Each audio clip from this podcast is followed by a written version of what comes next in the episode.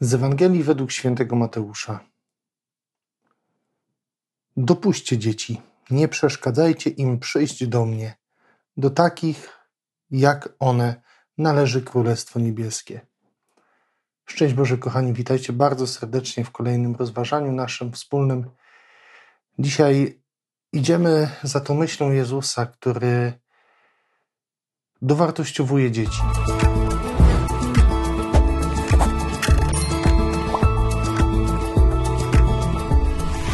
To jest bardzo ważna myśl. Dlaczego? Dlatego, że tak jest właśnie Królestwo Boże, tak jest właśnie zamysł Pana Boga.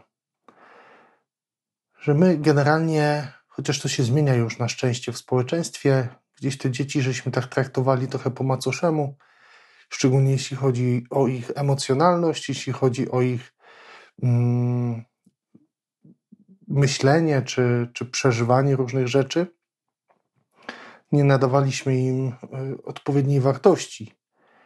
E, na szczęście nauka poszła do przodu i tym bardziej i tym łatwiej nam jest zrozumieć tę myśl czy zamysł Pana Boga, że dla Pana Boga wszystko, co małe, co takie wydaje się być mm, mało wartościowe albo nawet czasem jakieś groteskowe, jest ważne.